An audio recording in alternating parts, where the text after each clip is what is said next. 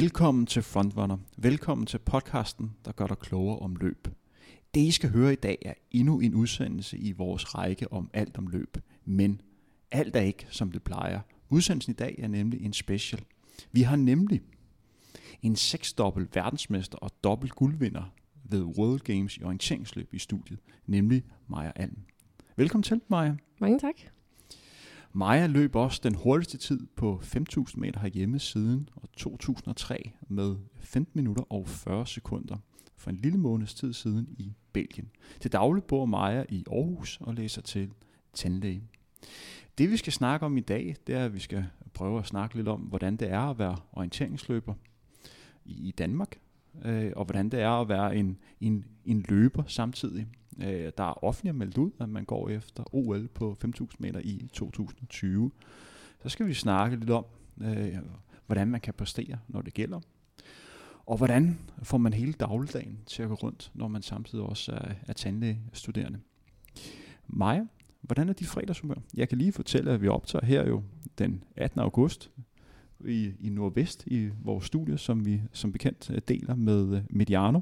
Vi sidder og kigger lidt ud på lidt, øh, lidt trist vejr. Det er lige stoppet med at regne. Hvordan er dit fredagshumør? Du ser jo smilende ud. Ja, øh, mit fredagshumør, det er godt. Øh, jeg har ja, desværre været lidt skadet, siden at øh, jeg løb de her konkurrencer i juli. Øh, hvor det både var 5.000 meter og World Games, som du nævnte. Øh, men jeg er begyndt lige så småt at træne op, har været at løbe 10 minutter her til morgen, så derfor så er jeg glad og skal ind og have behandling på det senere. Øh, så på vej frem igen forhåbentlig. Øh, ja. Hvad er det for en skade, du, du døjer med lige i øjeblikket? Det er min ene læg, øh, min venstre læg, den har fået en, en kraftig overbelastning, tror jeg de kalder det, øh, hvor musklerne simpelthen er stået helt af. Det er nok skiftet fra at løbe øh, orienteringsløb til over at løbe i piksko. Det har nok været ja, ret hårdt ved mine ben, især at komme fra VM, hvor man er lidt presset øh, på mange punkter, og musklerne nok også har været presset, og så gå direkte over til det her baneløb. Og så lige tilbage igen til orienteringsløb for at løbe World Games. Så det har været en hård sommer, og jeg vidste godt, da jeg løb de sidste løb, at, at det ikke var godt, og at jeg kom til at betale for det. Øh, men så er det også vigtigt at ligesom tage pausen og, og komme hurtigst muligt videre. Og hvad er udsigterne i at komme tilbage for, for fuld styrke? Øh, hvad siger eksperterne? Hvor lang tid er du ude?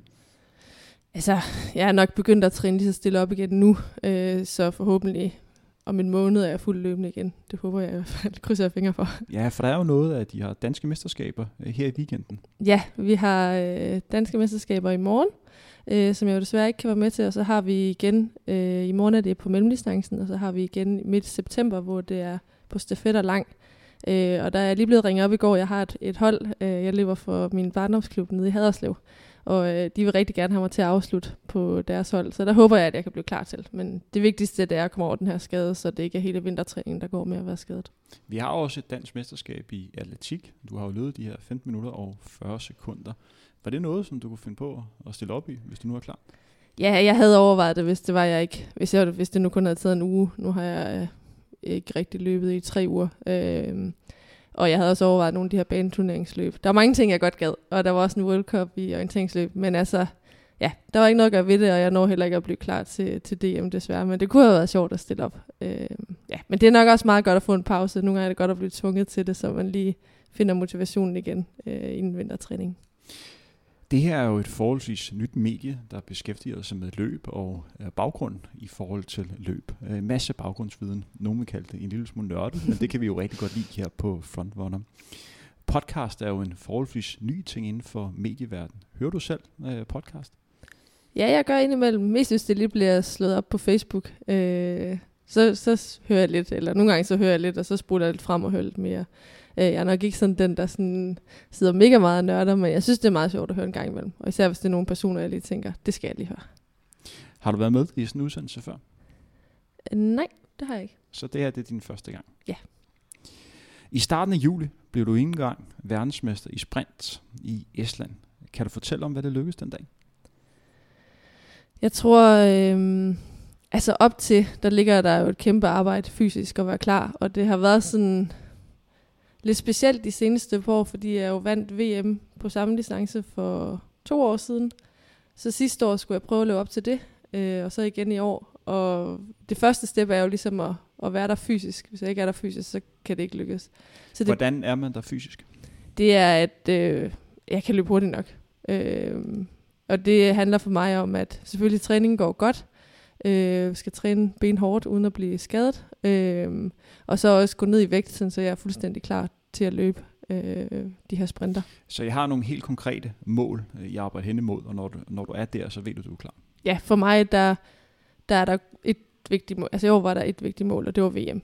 Øh, Men jeg tænker lidt mere om de der sådan, fysiske parametre, som du snakker om. Er det noget, som I har, I har fastlagt på forhånd? Det er der, vi skal hen, for øh, vi ved, at vi er klar.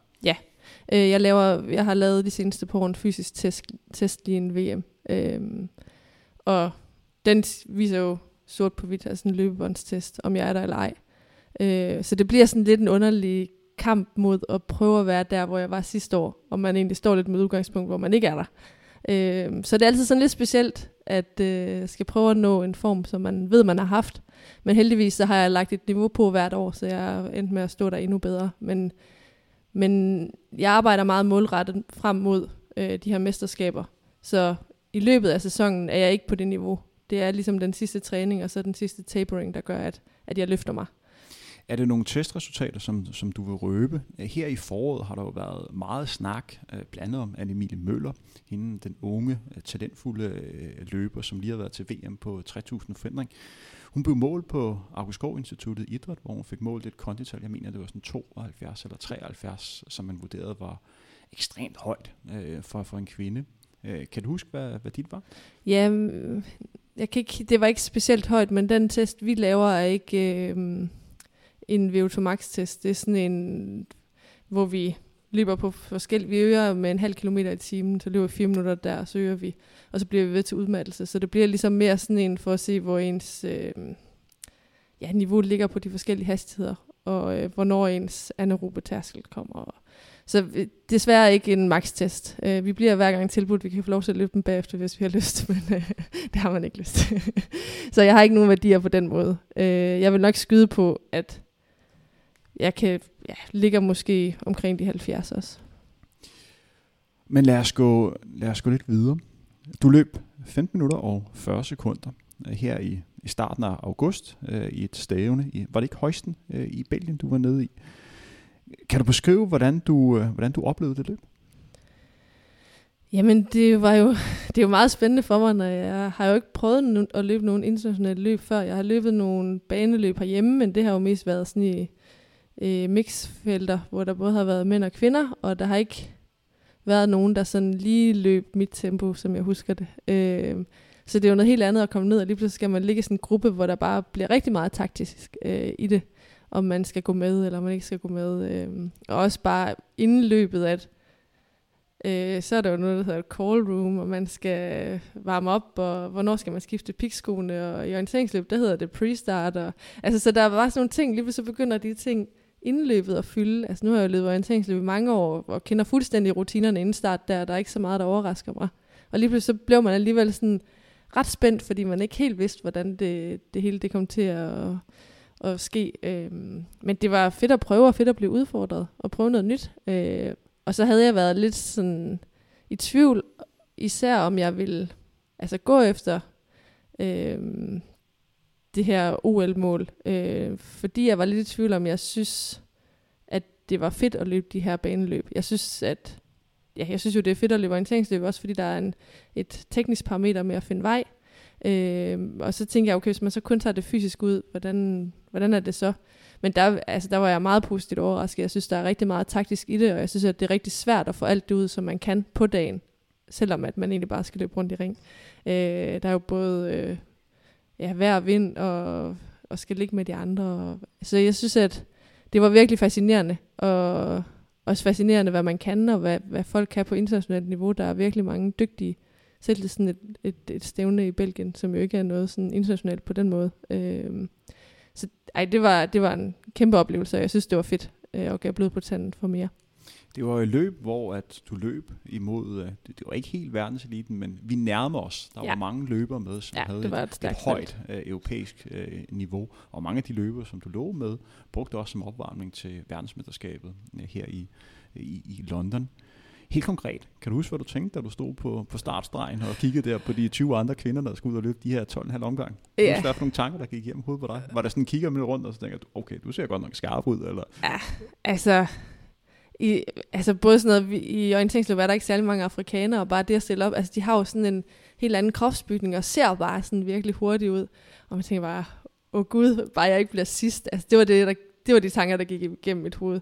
At, øh, eller, eller jeg havde ikke noget med at blive sidst, men bare jeg ikke sådan blev sat fuldstændig, så jeg skulle løbe alene rundt. Øh, men altså, det var også fint nok, så vidste jeg, at jeg skulle bare lægge mig ind bagved, og så og prøve at, at holde med så godt jeg kunne. Øh, men det var mega svært, og der blev løbet rigtig hurtigt i starten, og nogen, der, der slet ikke fulgte med, og så det blev sådan, altså det blev virkelig et dårligt disponeret løb for mig. øh, Før løbet, hvad var din målsætning? Øh, hvad løb du efter tid? Jeg vil gerne løbe 15.40, som jeg sendte med at gøre. Øh, og jeg vidste godt, at det skulle gå godt, for at jeg kunne gøre det. Men det var også fint nok at prøve at altså, gå lidt med. Øh, at der var ligesom ikke nogen idé i at være taget derned, hvis jeg bare løb et løb helt alene. Øh, så det var fint nok at gå med, og så måtte jeg gå lidt død til sidst. Men det endte så med, at de løb, eller jeg løb 3.05 og 3.00 på de to første kilometer. Og så prøvede de at øge endnu mere for at lukke et hul, og der måtte jeg bare give slip, og så løber jeg 3.20 på næste kilometer, så det var sådan virkelig dårligt disponeret, og så får jeg lidt mere fart på til sidst. Så det, det blev sådan et mærkeligt løb, og jeg var egentlig indstillet på, at okay, det kommer til at blive rigtig, rigtig hårdt mentalt, øh, hvis du kommer til at gå ned, øh, og ligesom blive ved med at tro på det, og sådan havde jeg det også, men jeg kunne se på tiderne, at jeg stadigvæk kunne nå noget godt, så det var ligesom bare at blive ved med at tro på det og kæmpe hele vejen. Øh, men det var hårdt og ikke særlig behageligt, må man sige. For dem af jer, øh, som har prøvet at- lægge hurtigt ud på, på en femmer, som du gjorde der, øh, de, de ved, at øh, når regningen skal betales, så er det både hårdt fysisk og, og mentalt. Ja. Den her tredje, og til dels også øh, 4 km, hvor man øh, godt ved, at, at nu er det hårdt. Ja. Øh, kan du huske, hvad du sådan tænkte til dig selv? Hvordan kom du alligevel igennem? Altså, jeg tænkte bare, at nu måtte jeg, jeg måtte ligesom give slip i dem foran, og nu måtte jeg bare prøve at holde en god rytme selv, øh, og ligesom lige prøve at komme ind i, jeg ved ikke, om man skal kalde det overskud, det var ligesom bare ren overlevelse, at nu skulle jeg bare komme rundt på den her 3 km, jeg vidste godt, det var den, der var den hårde.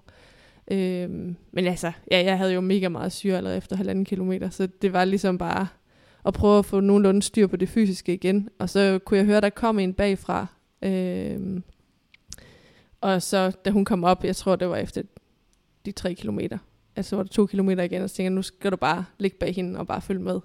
Øh, og det gjorde jeg. Øh, Den her tid har jo været en, en stor ting inden for, inden for løbeverdenen. Der er jo rigtig mange, som har bemærket øh, den her øh, 15 minutter og øh, 40 sekunders øh, tid. For mig personligt øh, var det faktisk ikke så stor overraskelse. Øh, jeg tror, der var sådan øh, 20 eller 30 personer, der sådan gerne ville høre min holdning til, øh, til, til din tid. Fordi når jeg kigger på det, og man sådan er, når man er verdensmester i en, Mm. øh, i en højt profileret sport, så som orienteringsløb, hvor løb er en så vigtig øh, ingrediens, så er man selvfølgelig også en god løber. Altså, øh, så, så jeg er forventet, at du kunne løbe det omkring, fordi tingene hænger jo sammen. Ja. Altså, du, du træner jo en masse, hvor at, at løb er en, er en hovedingrediens. Men alligevel fik den her tid øh, mange reaktioner. Øh, hvordan har du selv oplevet det?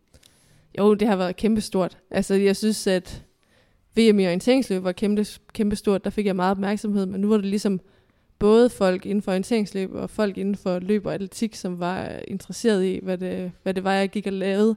Øhm, så det var mega stort, øh, men også helt vildt fedt at, at mærke den opbakning. Altså, det havde jeg faktisk ikke regnet med, at, og der var så mange positive kommentarer på det. Øh, også, ja, præcis, at folk var virkelig overrasket. Altså, jeg var også selv, jeg vidste, det var nok der omkring, jeg, jeg nogenlunde kunne løbe. Øh, altså, så jeg var sådan selvfølgelig overrasket og stolt, Øh, men når man er meget i det, tror jeg så man bliver meget fokuseret sådan på processen og det at gøre det. Og det er egentlig først lidt her bagefter, når jeg tænker tilbage, sådan, okay, det er faktisk mega hurtigt. Øh, og jeg har jo forbedret min tid. Jeg løb for tre år siden, der løb jeg 16.28, så det er jo med næsten 50 sekunder, jeg har taget af. Altså, det, det gør man jo ikke bare lige, så jeg, altså, det er jo stort. Øh, men øh, ja, det, det tror jeg nogle gange, man lige skal lidt på afstand, før man sådan rigtig kan, det kan synke ind. Efterfølgende meldte du ud, at du går efter øh, en OL-plads øh, på den her 5.000 meter distance øh, ved næstkommende OL i, øh, i Tokyo. Hvorfor valgte du at være åben omkring det og melde ud, at det her var din øh, ambition? Jeg blev faktisk spurgt af en journalist allerede sidste år, øh, da det var efter OL, og de, der kom en eller anden, jeg tror det er fra Jyllandsposten, der interviewede mig. Øhm, og jeg har altid haft en drøm om at komme til OL. Og det har, hvis folk har spurgt, har jeg sagt, at det kunne da godt være på et eller andet tidspunkt, at, at jeg vil prøve at gå efter det.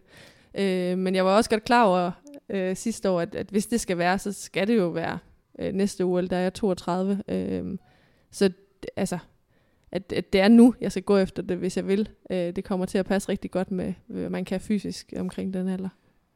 For orienteringsløb er jo ikke på OL-programmet. Nej. Øh, hvad er udsigterne for, for at det kommer på OL-programmet? Hvad, hvad hører du sådan øh, Altså, de, de er ikke så store. Der er meget politisk i det. Orienteringsløb er rigtig stort, især i Norden og også i Europa.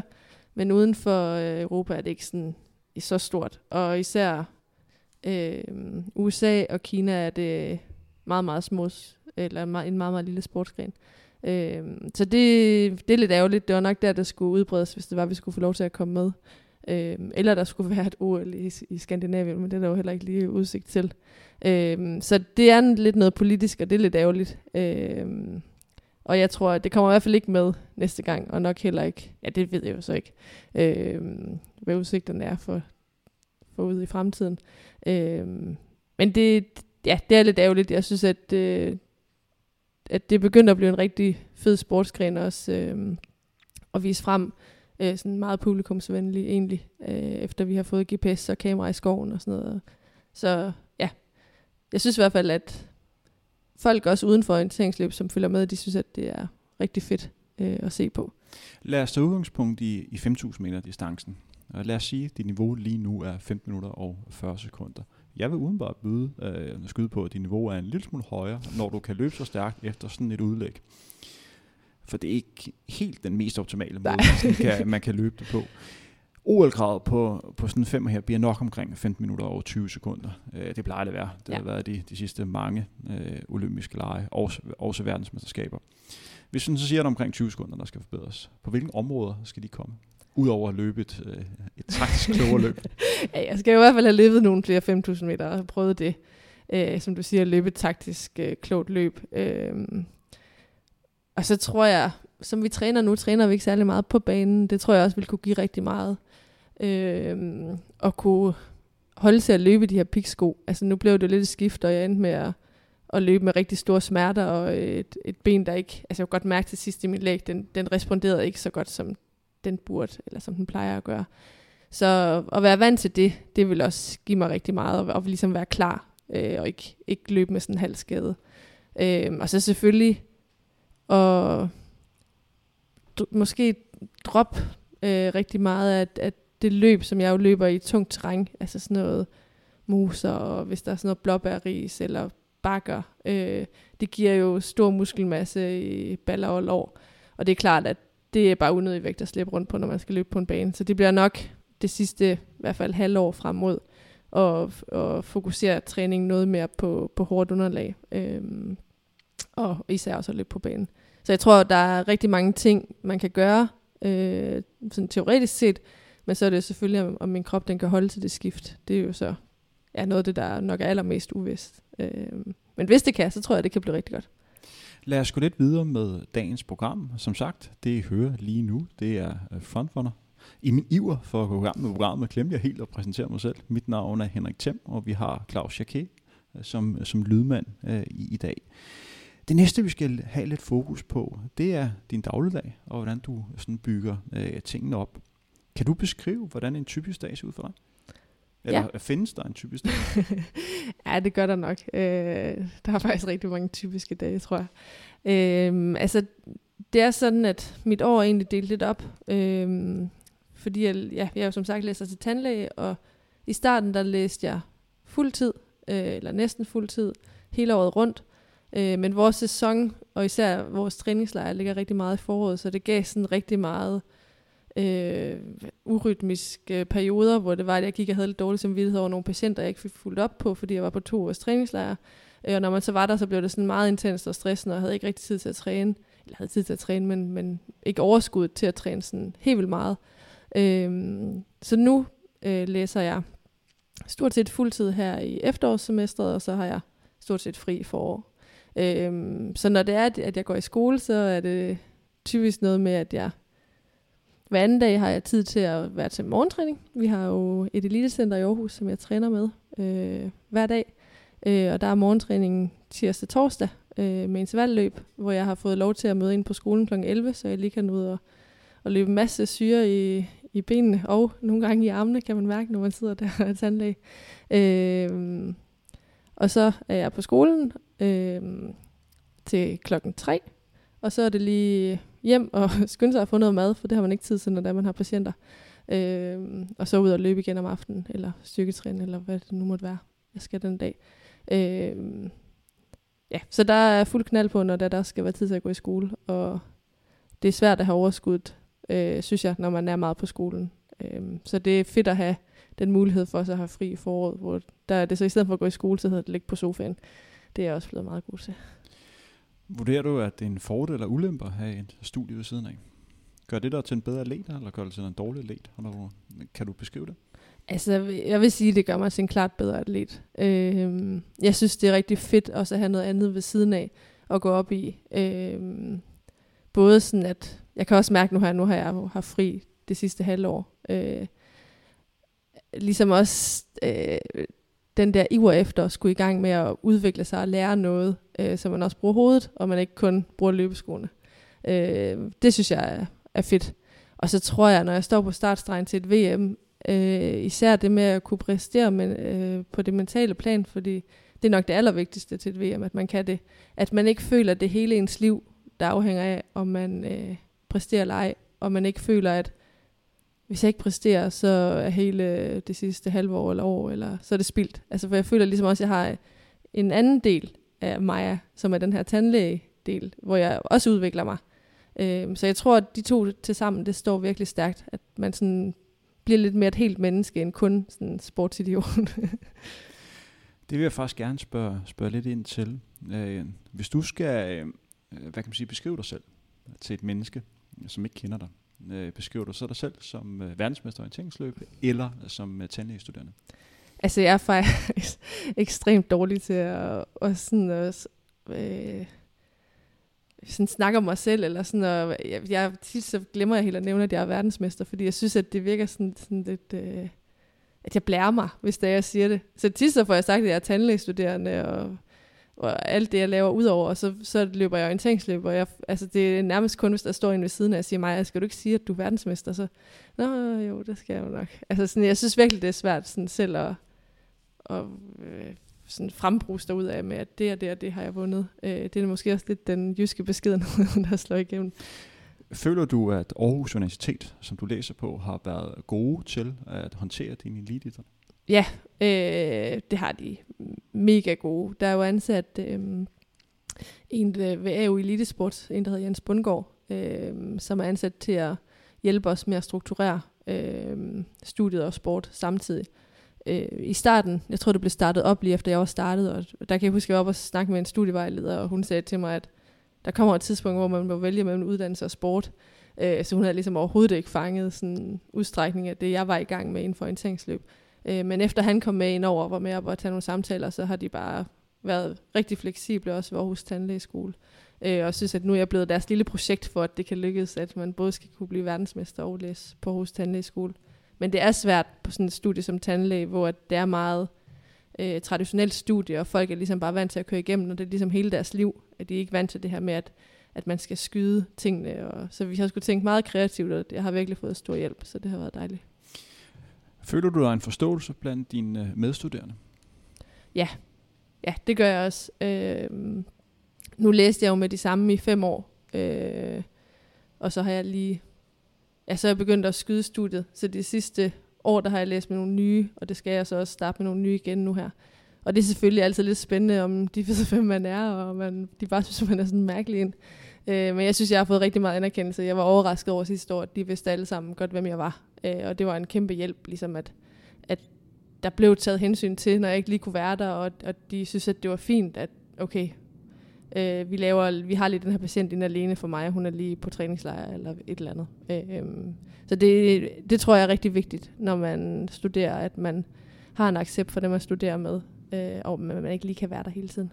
Man har jo et meget godt elite-setup i Aarhus. Øh, du er jo ikke den eneste øh, elite-atlet, der holder til på, på de kanter.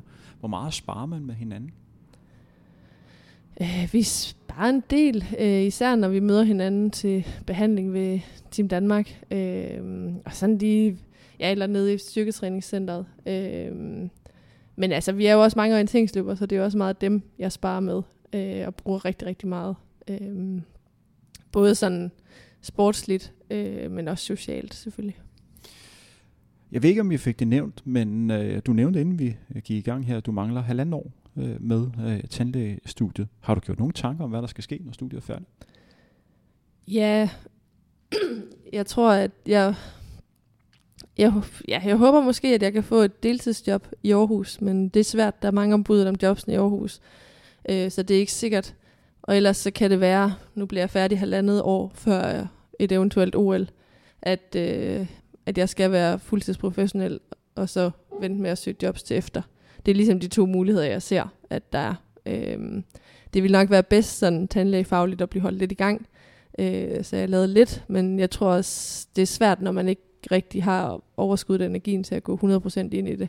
Så jeg kunne egentlig også godt forestille mig løsningen ved at sige, okay, så er det halvandet år, så ved jeg, at det der, der er det kun øh, løb, og så bagefter, så kan det være fuldtidstandlæge. Er det en fordel for dig at være studerende, øh, mens du er eliteatlet, kontra at være, være færdig med studiet? Ja, ja det, det er det. Øh, det er jo helt vildt fleksibelt, og for mig der er det tit, at jeg bare skal aftale med mine studiekammerater, at, at de tager en patient øh, ind, og så, så kan jeg rykke mine andre patienter øh, en uge frem, når jeg er stadig på træningslejr. Jeg er ikke sikker på, at en arbejdsgiver synes, det var helt så fedt. Øh, så, så det, det er mega fleksibelt også. Altså, man er meget på, når man har patienter, og hvis man skulle sidde og have det hele tiden, så ville det være rigtig hårdt.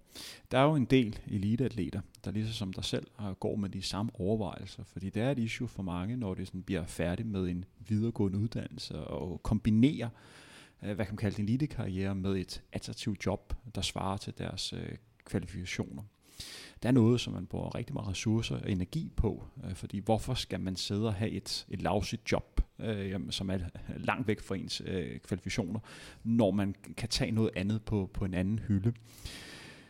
Hvad synes du, man kan, man kan gøre? Er der nogle ting, som, som du savner, som ikke er blevet gjort endnu, for at optimere forhold?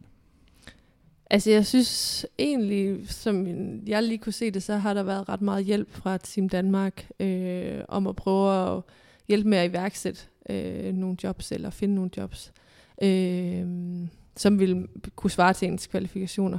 Øh, og det, det tror jeg, der er vejen at gå, øh, og prøve at trække på nogle kon- kontakter. Øh, og så også især det her med at læse, eller hvad hedder det, arbejde på nedsat tid, sådan så, så man har tid til det hele. Jeg bliver nødt til at spørge om det. Bliver man rig af at være orienteringsløs? Nej, det gør man bestemt ikke. Øh, den eneste sådan støtte, jeg får, det er fra gennem Team Danmark og Dansk Orienteringsforbund, som giver nogle stipendier. Øh, også især nu min SU's jo brugt op, fordi at jeg kunne have været færdig sidste år. Øh, så jeg får det som en normal studerende med et studiejob, det er det, jeg tjener. Øh, ja. Så det er ikke øh, luksus, men det er fint. Det render, det løber rundt, og jeg har det godt. Sådan noget i forhold til sponsorer, er det noget, som du bruger, øh, bruger tid og energi på?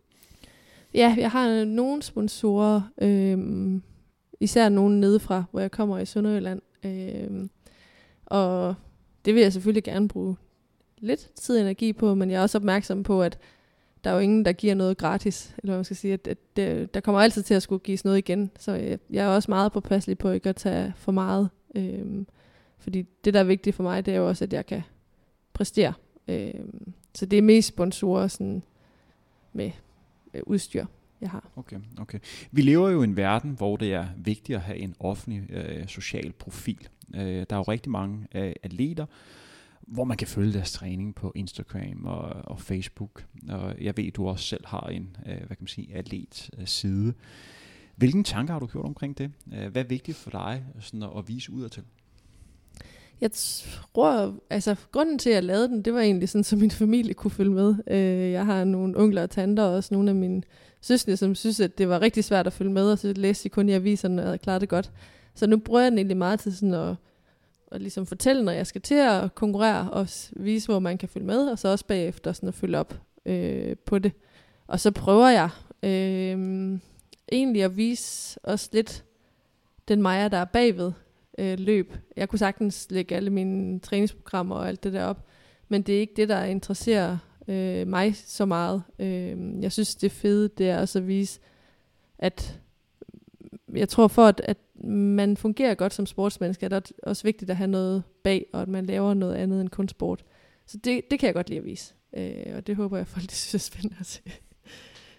Er det noget, du, du føler øh, pres over? Øh, fordi det kan jo være øh, svært at håndtere for, øh, for nogen. Der var... Øh, ja, der har været lidt op og ned, synes jeg, hvordan jeg lige har synes, at det har været. Nogle perioder føler jeg sådan lidt, at ej, nu bør jeg også snart lægge noget op. Øh, men jeg synes egentlig, jeg har været meget god til, øh, når der er nogle konkurrencer, at få skrevet, og jeg synes faktisk, at det kan være en kæmpe hjælp, øh, at man selv kan få lov til at formulere, hvordan man har haft det, øh, hvordan et, et løb, øh, hvad man synes om det, øh, kan få skrevet omkring ens følelser. Øh, så det prøver jeg at vente til, at det er noget positivt, som jeg kan bruge til at kommunikere ud, øh, og ikke noget, jeg skal opdatere hele tiden. Øh, for jeg tror aldrig, jeg har prøvet nogen, der har sagt, at nu er der gået lang tid. Det er nok noget, man selv føler, at man bør opdatere. Vi går lidt videre med dagens program. Det, som vi skal have fokus på nu, er lidt mere sådan generelle ting i forhold til din, din sport, og hvad kan man sige, dit personlige setup, hvordan du sådan opbygger tingene. Kan du øh, beskrive dit sportslige setup? Hvem har du som træner og som rådgiver, og øh, har du en træningsgruppe om, øh, omkring dig? Ja, øh, jeg har Lars Lindstrøm, øh, som min personlige træner. Kan, kan du beskrive Lars? Øh, jeg går ud fra, at der er ikke så mange, i, der hører det program her, øh, der ved, hvem man er. Nej, han er, øh, lige nu er han sportschef i Dansk Orienteringsforbund. Øh, inden det, der var han landstræner, og før det var han juniorlandstræner. Så han har faktisk sådan fulgt mig hele vejen op, og det var ligesom ham, der fik prikket til mig i sin tid og spurgt, om jeg ikke skulle gøre noget mere ud af min træning. Øh, der boede jeg i Sønderjylland og trænede ikke så meget. Øh, så han fik mig til at flytte til Sjælland, til et træningsmiljø, hvor det var lidt nemmere at komme afsted og ligesom komme ind i rytmen med at, at træne godt. Så der flyttede jeg over som 18-årig. Det var han en stor del af. Så han har ligesom været med hele vejen, og det er også ham, som følger mig i det her øh, projekt atletik. Øh, der prøver vi ligesom sammen at se, om vi kan finde ud af, hvad det er for noget.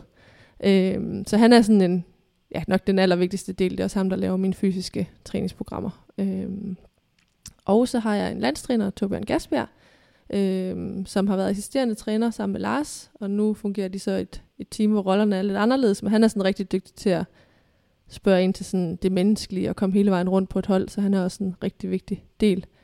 Øh, så har vi vores elitecenter, øh, hvor vi har en træner, der hedder Jeppe Rud, som også er junior landstræner, men når vi er i Aarhus, så fungerer han som vores øh, elitecenter-træner, hvor vi har træninger hver dag, øh, og han møder op. Øh, og der er det selvfølgelig både ham og også de andre i Elitecenteret, som er rigtig vigtige nøglepersoner. Øh, fordi selvom, når man løber intervaller, der løber man jo ikke lige og snakker, men så løber vi og varmer op sammen og jogger af sammen.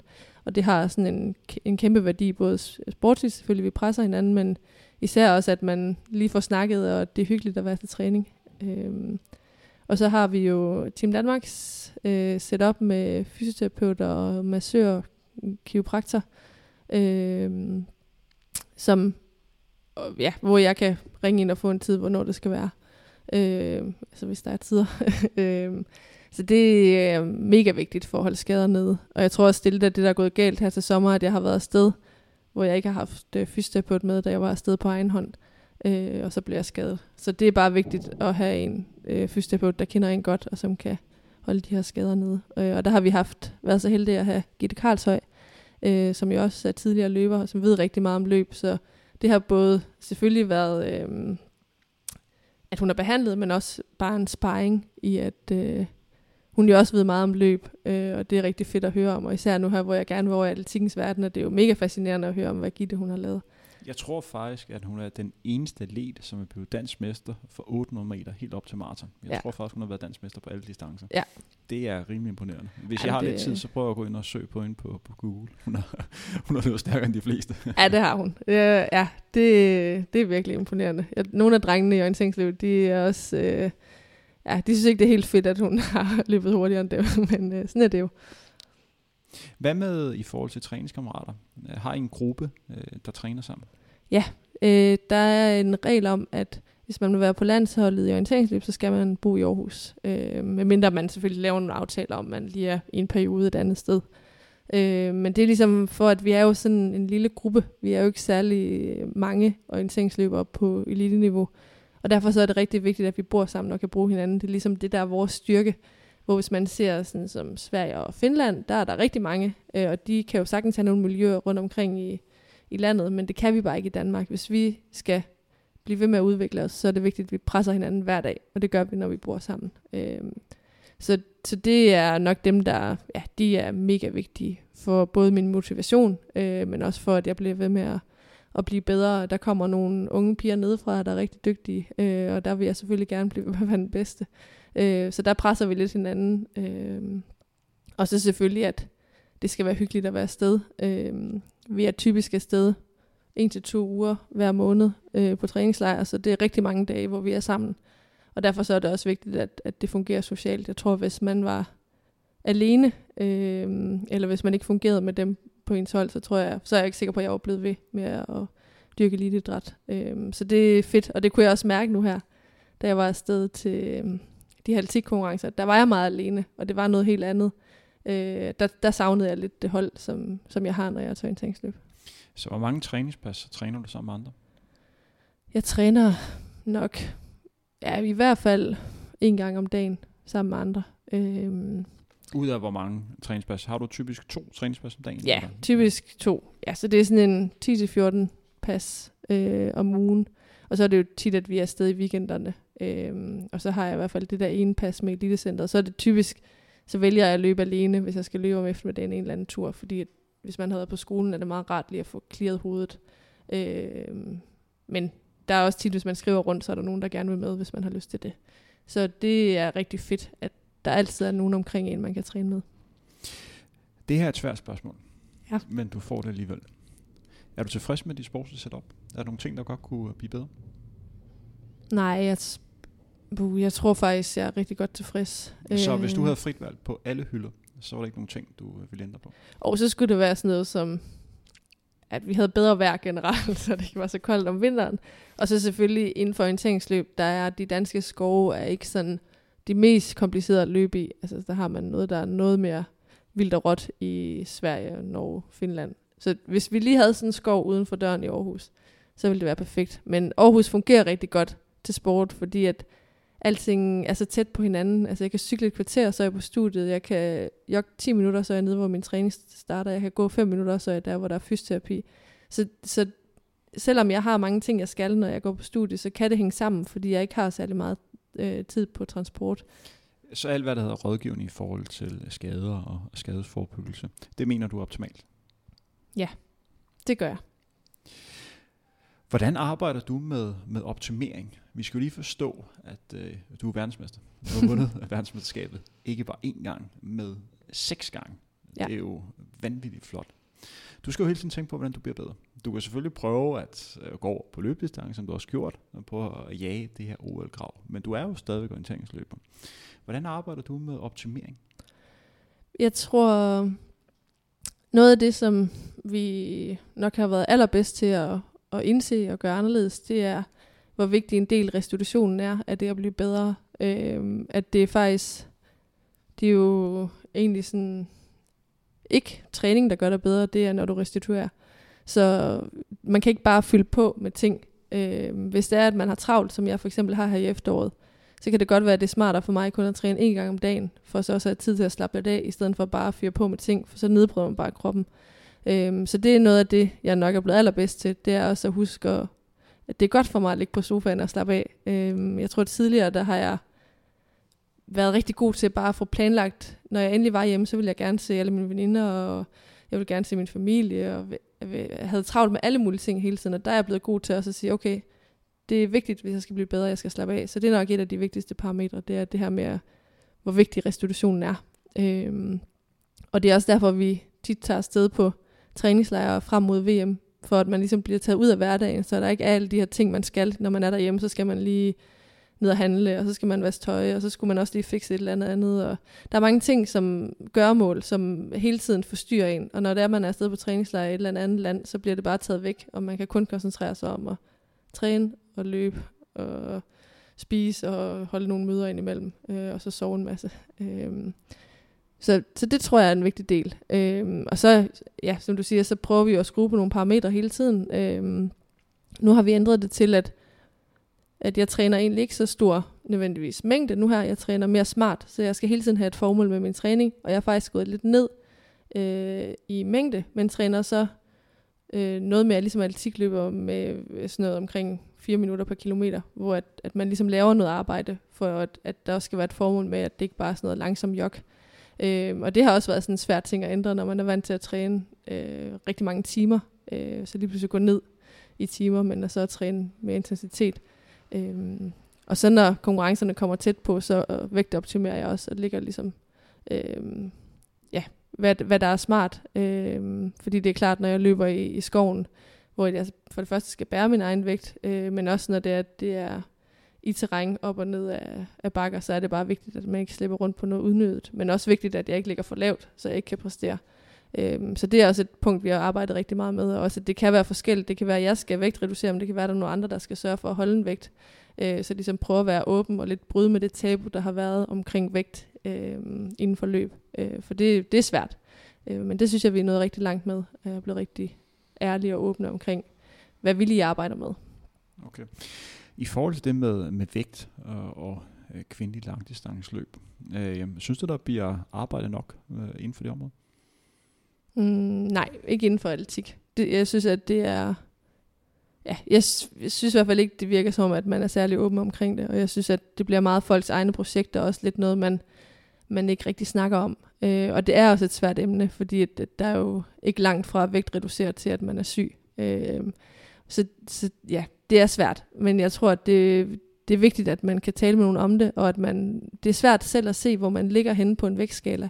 Og derfor bliver man nødt til at tale med nogen om det, for ligesom at, at kunne indse, at okay, jeg skal faktisk passe på, at jeg ikke taber mig for meget. Jeg skal faktisk bare holde den her vægt, hvor det kan godt være, at der er en af ens holdkammerater, der skal tabe sig. Øhm, ja, så jeg, jeg tror, det er vigtigt at kunne være åben, men det kræver også, at man kender hinanden godt. Og det er jo det, der er vores styrke inden for elitecenter, at vi træner med, med vores holdkammerater hver dag, og vores træner er der inde over hele tiden, så man kan godt snakke om sådan nogle ting hvor det er klart, at hvis man bare bliver sat sammen på et landshold, og man ikke rigtig kender hinanden, er det svært at tage den diskussion. Og, og det er jo også noget, man over tid skal gøre. Det er jo ikke bare lige noget, man gør.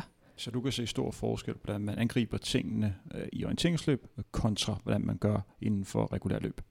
Ja, det synes jeg. Øh, men det er jo også noget, som vi først har taget hul på øh, sidste år. Øh, det her med at snakke om vægt. Altså ellers har det også været et kæmpe tabu øh, belagt emne i orienteringsløb. Øh, så ja, det, det er svært, øh, og, det, og det, man bliver ligesom nødt til at være ærlig omkring, øh, især med, ja, både med hinanden, men også ens træner, at man bliver nødt til at, at sige, hvordan man har det, og, og fordi man, man bliver i tvivl om, hvor ligger jeg her? Øh, skal jeg tabe mig, eller skal jeg ikke? Og, og hvad vil være mest opti- optimalt? Og der har vi også en diætist i Aarhus, som jeg går til regelmæssigt frem mod VM, for at være sikker på, at at jeg ikke taber mig for meget i en periode, så jeg ikke kan træne. Øh. Føler du, det er trænerens ansvar, øh, og hvad kan man sige, at snakke om det område, eller er det alens øh, ansvar? Nej, altså det er jo altid atletens ansvar. Altså man er jo selv ansvarlig for, at, at man rykker sig. Øh, men jeg tror, det er vigtigt at have nogen, som man kan snakke med det om, fordi at, at man ikke selv kan se det. Altså det er jo nemt nok at se, når man løber, at okay, jeg forbedrer mig på tiderne. Øh, men det er svært at se, hvordan man selv ligger. Øh, og jeg tror, der er mange, der misforstår det her med at øh, at gå ned i vægt, så tror jeg, at de ligger lavt hele året. Og så hvis de føler, at de også skal gå ned i vægt frem mod en konkurrence, så er det klart, så bliver det for meget. Øh, der er jo også grænser for, hvad der er mest optimalt. Hvad gør du sådan helt konkret, hvis du skal øh, ned i vægt? Øh, spiser du mindre, eller øh, hvordan arbejder du med det? for mig der er det rimelig simpelt, fordi at øh, jeg gennem vinteren og foråret, øh, der kan jeg rigtig godt lide at spise slik og søde sager. Øh, og det er der plads til, og det gør jeg vejer nogle kilo mere, og det er fint nok. Så hvis jeg skærer den del fra, så går jeg faktisk ned i vægt. Øhm, så, så jeg skal ikke gøre så meget anderledes andet end at lade være med at spise alle de der søde ting. Så alle de søde ting, øh, det rører så over til din kæreste, så tilsvarer ja. sig på. Lige præcis, vi kører sådan lidt forskellige. Et lidt, lidt skiftende løb der. ja. Lad os, øh, lad os gå lidt videre, selvom det faktisk var en rigtig interessant snak, vi havde lige der. Øh, som løber kan man godt lide at være rigtig konkrete i forhold til, øh, hvor mange kilometer man løber, og hvor mange intensive pas man har. I sådan en grundtræningsperiode, og lad os sige, at vinteren bliver brugt til at bygge øh, en form op. Hvor mange kilometer ligger du og, og løber der, eller arbejder med kilometer? Eller det, Nej, vi arbejder jo med timer, fordi vores kilometer de er så svingende. Hvis vi løber i tungt terræn, så løber vi jo med mega lange som kilometertider. Så det er lidt, altså jeg ligger typisk omkring de der 10-12 timers løb, øh, så plus noget styrketræning. Øh, og nogle løbestilsøvelser laver vi. Øh, men jeg laver stort set kun løb. Øh, jeg laver ikke så meget alternativ træning, når jeg ikke er skadet. Øh, fordi at vores filosofi er ligesom, at hvis man er god til at løbe, så skal man løbe. Og jeg skal ikke udtrætte mig på at cykle eller løbe i vand eller stå på cross-trainer, når jeg kan holde til at løbe så meget. Men det, det er fordi, jeg er en af dem, der ja, ironisk nok bliver sjældent skadet. Nu sidder jeg her og kan ikke løbe, men ja, det, det plejer jeg ikke at have så store problemer med. Hvordan ser et typisk pas ud? Øh, løber man rundt i skovene, eller har man det kort med så så træne det element? Hvad gør man helt konkret? Vi træner en gang om ugen, træner vi terræn, det gør vi mandag. Onsdag der har vi en træning, hvor vi træner på kort, hvor vi kører en times tids radius væk fra Aarhus, træner og kører tilbage igen. Så det, det bruger man ret lang tid på, de her orienteringstekniske træninger. Men det er jo klart, at det giver ikke nogen idé for mig at blive ved med at løbe i Mercedesborgskoven i Aarhus, for den kender jeg udenad. Øhm, så, så det kræver, at man investerer lidt mere tid i det. Og så er det typisk via teknisk træning, enten træning eller konkurrence i weekenden. Øh, så det resterende, der løber jeg faktisk bare løbetræner. Øh, en del på øh, skovstier, for at det ikke skal blive for hårdt for mine ben. De er jo vant til at løbe terræn. Øh, så det er også derfor, jeg er lidt spændt på, når jeg gerne vil lave det her skift til atletik, om jeg kan holde til det, fordi det er klart, at det bliver noget andet for mine ben. Øh, og jeg har haft problemer med skinnevægsbetændelse og alt det der, som ikke er så glad for at løbe på asfalt. Øh, men ja, forhåbentlig med god behandling kan det godt lade sig gøre. Hvad med op imod sådan en verdensmesterskab, øh, hvor du skal have en, en formtop? Hvad gør man anderledes der? Eller har man lidt mere fokus på at, at træne intensivt? Ja, der træner vi, øh, der træner vi ret meget intensivt, og der er det endnu mere vigtigt, at alt har et formål. Øh, så det, der laver jeg ikke bare en, en eller anden hyggetur på en time. Altså der er det, enten så er det de der, øh, nu kalder vi det zone 2, det er omkring de der 400 på kilometer, hvor at øh, man jo ikke løber alt, hvad man kan, men det føles let, men man løber stadigvæk på en måde, hvor det er, at øh, man bruger musklerne rigtigt. Altså hvis der er jeg jogger, så kan jeg godt jogge øh, på, med 10 km i timen, og det er måske ikke... Øh, der løber jeg nok på en, øh, altså ikke på en, den måde, jeg vil gøre, når jeg løber konkurrence. Så derfor giver det god mening at løbe de her. Øh, og så løber vi jo en del intervaller, og de bliver kortere og kortere, jo tættere VM kommer på. Især for mig, som skal løbe sprint, der er det vigtigt, at jeg løber nogle anaerobe intervaller. Og det starter vi på derfra mod VM.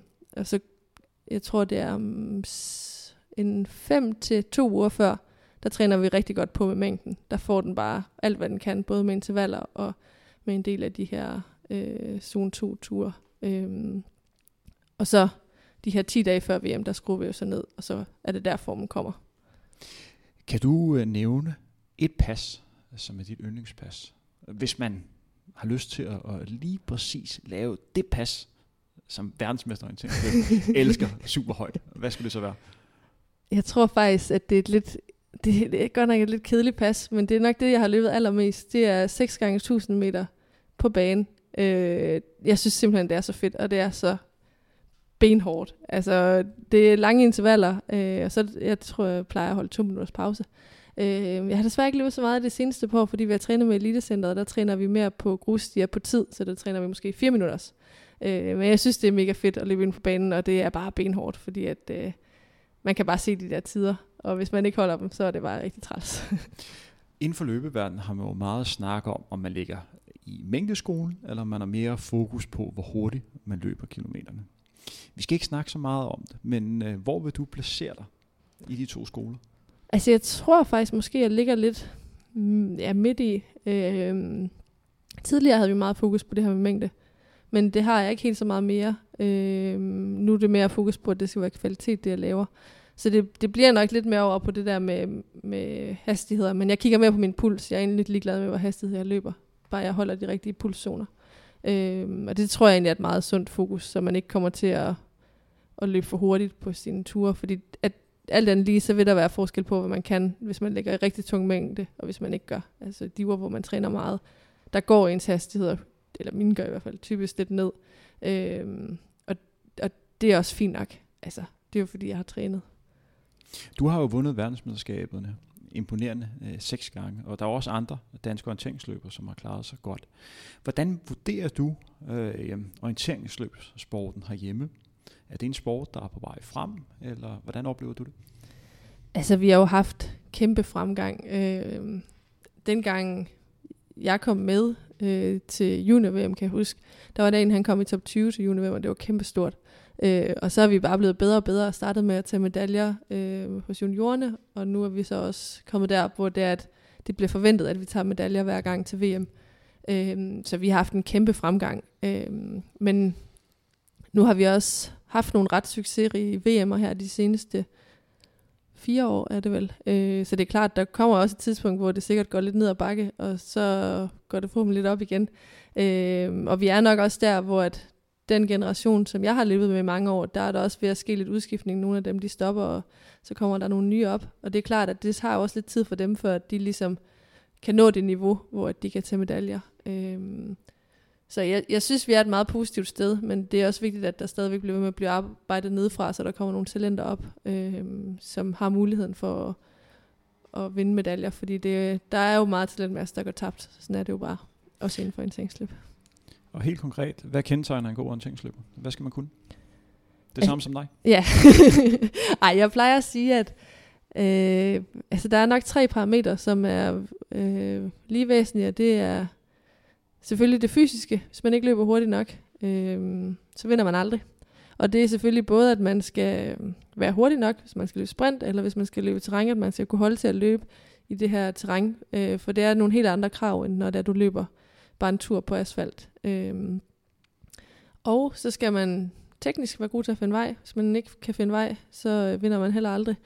Øh, selv de små fejl, de kan koste medaljer. Det er jo typisk sekunder, vi løber om. Og hvis man bare bliver væk 30 sekunder, så er man ude af medaljekampen. Øh, og det sidste er selvfølgelig mentalt. Hvis man ikke er mentalt stærk, så kan man ikke præstere, når det, er, det gælder, og så vinder man heller aldrig.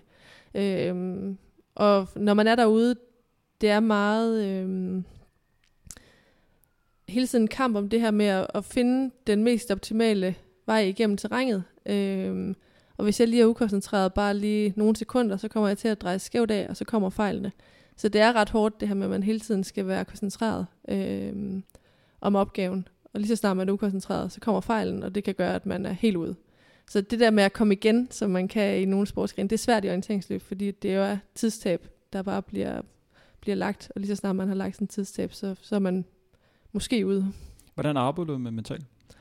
Jeg har arbejdet lige siden øh, jeg blev senior, har arbejdet med en af Team Danmarks sportspsykologer, Christoffer Henriksen. Øh, vi har haft et rigtig godt samarbejde, øh, for jeg præsterede egentlig ikke særlig godt, da jeg var junior. Har kun to medaljer, og ikke nogen af guld fra da jeg var junior.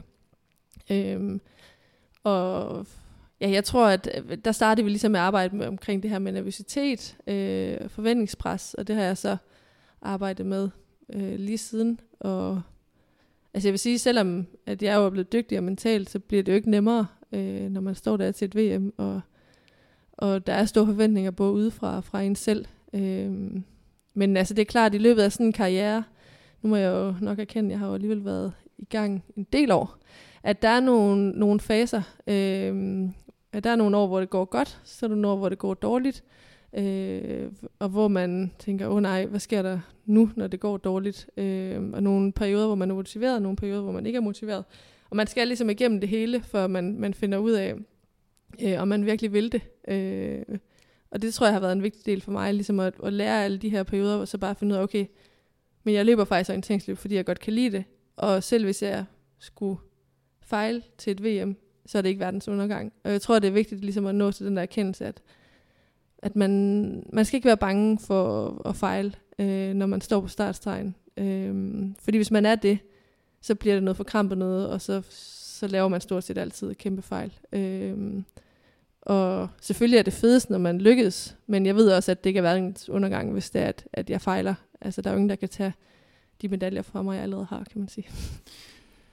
Hvis vi spoler lidt tilbage igen og tager udgangspunkt i det her verdensmesterskab, øh, som var i Estland, øh, hvor du endnu en gang fik en, en titel med hjem til, til Danmark. Øh, vi skal snakke lidt om det forventningspres, som du lige selv har øh, beskrevet, dagen op til, de må have været rigtig, rigtig hårde for dig. Der må være ekstremt mange tanker, der går igennem hovedet. Det er jo sådan, som, øh, som sportsmand eller sportskvinde i det her tilfælde her, det er jo, at det værste forventningspres er ofte det, man selv lægger til en selv. Ja. Øh, og hvis man har vundet før, så er det jo der, man sætter sig i kategori. Og det vil sige, at man begynder mere at have fokus på, øh, hvad man har at tabe, frem for, hvad man har at vinde. Hvordan var de der øh, dage for dig, og hvordan gjorde du for at komme bedst muligt igennem? Øh, for der er jo, der er jo meget, der er på spil. Ja, altså det er jo nogle mega mærkelige dage. Øhm, især fordi, som jeg har nævnt tidligere, at man går ned i træningsmængde, så kroppen begynder sådan at føles hvert fald meget anderledes, end den gør hele året, hvor man træner på. Øh, man føler sig sådan lidt øh, fask og slatten, og, og heldigvis er det jo sådan, at man så står på startsen og går i gang, så, så, så er man klar. Altså at, at det er bare sådan en mekanisme, at når man først får lov til at slappe af, så ryger man bare langt ned. Og det er svært mentalt ligesom at acceptere, at okay, det er bare en følelse, som der, der plejer at være der, det er en følelse, der skal være der.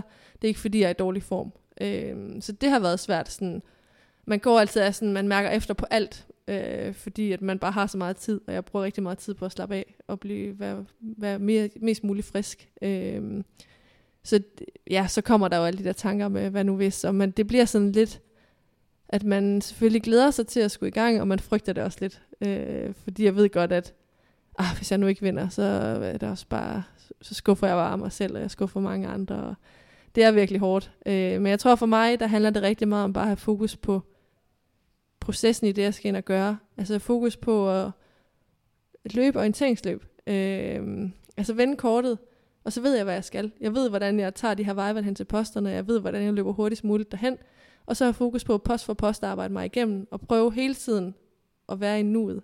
Øh, og især sådan noget med, at, at jeg har ligesom også lært, at hovedet, eller i hvert fald mit hoved, det står aldrig stille. At der er hele tiden tanker, der gerne vil ind og forstyrre omkring, åh oh, nej, hvordan løber konkurrenterne nu, og øh, øh, ej, jeg løber jeg nu hurtigt nok, og, og ligesom al, hele tiden acceptere, at der er de her tanker, og, og de må gerne være der, men de skal bare ikke få lov til at forstyrre mig for opgaven. Så ligesom at acceptere, at de er der, og så prøve at komme tilbage på det her med at finde vej. Øh, for det er virkelig vigtigt, at jeg, jeg er til stede i at finde vej hele tiden, for ellers så laver man fejl. Min næste spørgsmål kan for nogle nok virke en, en lille smule mærkeligt. Men du kommer i mål her øh, og blive verdensmester. Vi har lidt snakket om det her forventningspres. Og igen, man skal hele tiden tage udgangspunkt i, at du har vundet rigtig meget. Når du kommer ind, og du vandt med en kæmpe marken, den fornemmelse, du får, at det er mere en dættelse over, at puha, øh, jeg tabte ikke, eller en klæde over, at du endnu en gang har vundet en stor titel. Forstår du mit spørgsmål? Ja. Altså jeg tror, det, det kan jo ikke undgå at blive lidt en, lidt en blanding. Øh, men jeg tror også, at hele det der frem mod VM, det bliver bare sådan lidt uvirkeligt, og man ved godt, at nu skal jeg ind og gøre det, og jeg har gjort det mange gange før, og jeg ved godt, hvad jeg skal, men alligevel så bliver det også lidt, jeg, jeg forstår virkelig ikke, hvordan jeg, når jeg kigger tilbage, tænker jeg stadigvæk, jeg forstår ikke, hvordan jeg kunne gøre det igen. Altså det, det er sådan ret vildt alligevel, at det bare lykkedes. Så jeg tror, man kommer ind, og så er jeg bare stolt over, at det lykkes, og ofte så starter de jo med sidning, så dem, der har løbet godt i kvalifikationen, starter også sidst, så jeg ved godt, hvordan jeg ligger. Så da jeg kommer ind nu her, der får jeg at vide, at øh, at jeg fører, og at jeg kommer til at vinde. Og jeg tror, jeg startede næst sidst, så jeg, skulle, jeg stod lige og ventede det minut, til jeg var sikker på, at, at jeg vandt. Øh, og altså, så tror jeg bare, at jeg tror bare, at jeg sådan faldt sammen og lå lidt, altså sådan at, var bare så, jeg tror bare, jeg tror egentlig, det er en følelse af stolthed. Øh, stolt over, at det, det lykkedes igen. Øh, og selvfølgelig er det lidt en blanding af lettelse og, og glæde, men ja, bare mega, mega stolt over, at, at jeg kunne gøre det en gang til. Vi er desværre ved at nå øh, afslutningen af, af dagens program. Vi ved, du har en bagkant, og den skal vi selvfølgelig re- øh, respektere. Men der er lige nogle få spørgsmål, inden vi øh, lukker helt ned. Det er jo altid interessant at høre fra en atlet, der kommer fra en lidt anden verden, hvordan hun oplever løbesporten. Når du kigger på løbesporten i dag, hvad for en sport ser du så? Jamen, altså, i Danmark, der ser jeg jo en sport, som er under en kæmpe øh, udvikling. Jeg synes, at, positiv eller negativ udvikling? Positiv. Jeg synes, der er rigtig mange, øh, der er godt på vej frem, og der er rigtig mange, der løber. Øh, det synes jeg også bare fedt, at der er kæmpe anerkendelse sådan fra, også bare for motionister, øh, men selvfølgelig også, at der er rigtig mange ombud, der er rigtig mange, der konkurrerer, øh, og det synes jeg er fedt. Øh, så jeg synes faktisk, øh, det ser meget positivt ud. Øh, og ja, det er rigtig fascinerende. Hvor hurtigt skal du have løbet på den her 5 km, før dit skifte vil være en succes? Er det nok for dig at løbe stærkt nok til at komme til det olympiske lege, eller vil du gerne længere ned? Eller er det princippet nok for dig, at du sidder tilbage og tænker, jeg gjorde, hvad jeg kunne? Ja, altså nu er det jo nok, jeg, er, jeg er nok bare en meget ærlig person, egentlig så burde jeg jo ikke, jeg burde bare holde det her tæt. Øh, men jeg er også en, det der gør mig god, det er, at jeg har nogle høje mål og nogle drømme, som jeg går efter. Øh, og der er det jo altid sådan, det, det kan jo lykkes, det kan jo ikke lykkes. Øh, men jeg har en drøm om, øh, altså rigtig meget af det her OL er også for mig at se, hvor hurtigt jeg selv kan blive. Altså selvfølgelig kunne det være fedt at komme med til OL, men det kunne også være rigtig fedt at sætte en rigtig god tid. Øhm, så jeg har en, en drøm om, at jeg kan udvikle mig til at løbe omkring de her 15.00 omkring.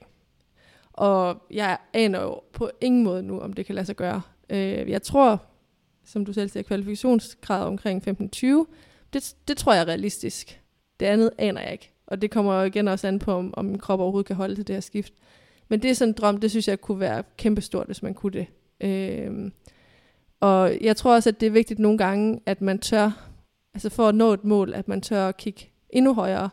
Altså at man ikke bare sådan kigger på, øh, nogle gange på ens konkurrenter, hvad kan de, men at man kigger på sig selv, okay, og hvad tror jeg, jeg kan? Så derfor så er det vigtigt for mig at have sådan en drøm og kan gå efter.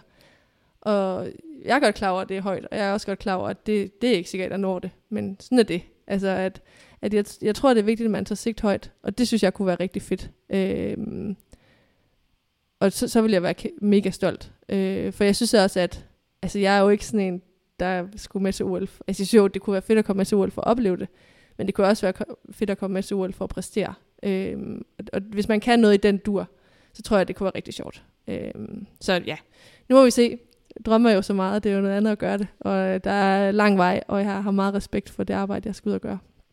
Og så mit sidste spørgsmål. For dem, der sidder og hører med til det her program. Hvad kan de lære dig? Er der sådan nogle ting, som du tænker, øh, det her det har lykkes for mig? Øh, det er noget, som jeg, som jeg gerne vil give videre? Altså jeg, jeg håber især det her med det hele menneske, at det er vigtigt altså for mig at have et studie, og selvfølgelig også at have nogle venner og veninder, uden for sporten. Øh, og have det godt med det, man laver. Jeg tror, hvis man ikke har det godt med det, man laver, så lykkes man heller ikke særlig godt. Øh, og hvad, hvad det så er, der gør en glad, det, det må man jo så selv finde ud af. Øh, men det er i hvert fald noget det, jeg synes, jeg lykkes med. Og så husk at prioritere øh, det uden for sporten, når man har tid til det. Altså her i off-season er det meget for mig at huske at prioritere alle dem, der støtter mig rigtig meget. Øh, for jeg ved godt, at i foråret, når det kører på med træningslejre, og at jeg gerne vil øh, gøre det så optimalt som muligt. Øh, for jeg er rigtig meget sådan en, hvis jeg først øh, sætter mig for noget, så gør jeg det 100%. Øh, og derfor så bliver der skåret meget fra øh, frem mod et mesterskab. Øh, men så husk at få fuldt op på alle de ting, når, når det er off-season. Det er i hvert fald noget af det, der er vigtigt for mig. Også sådan, så jeg ikke tænker tilbage og tænker, når der spildte jeg lige 10 år af mit liv på kun at løbe løbesko. For sådan har jeg det ikke. Altså, jeg har, synes, jeg har tid til alt det, jeg vil.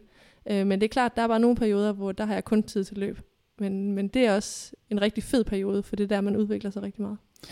Maja, vi har jo snakket lidt over en, en, en time. Jeg tror nærmere 70 minutter er vi oppe på nu. Du har været med i din øh, første øh, podcast øh, udsendelse. Hvordan har det været? Har det været slemt? Nej, det har været rigtig hyggeligt. Øh, det... Synes, synes du, vi har kommet øh, hele vejen rundt? Ja, det synes jeg.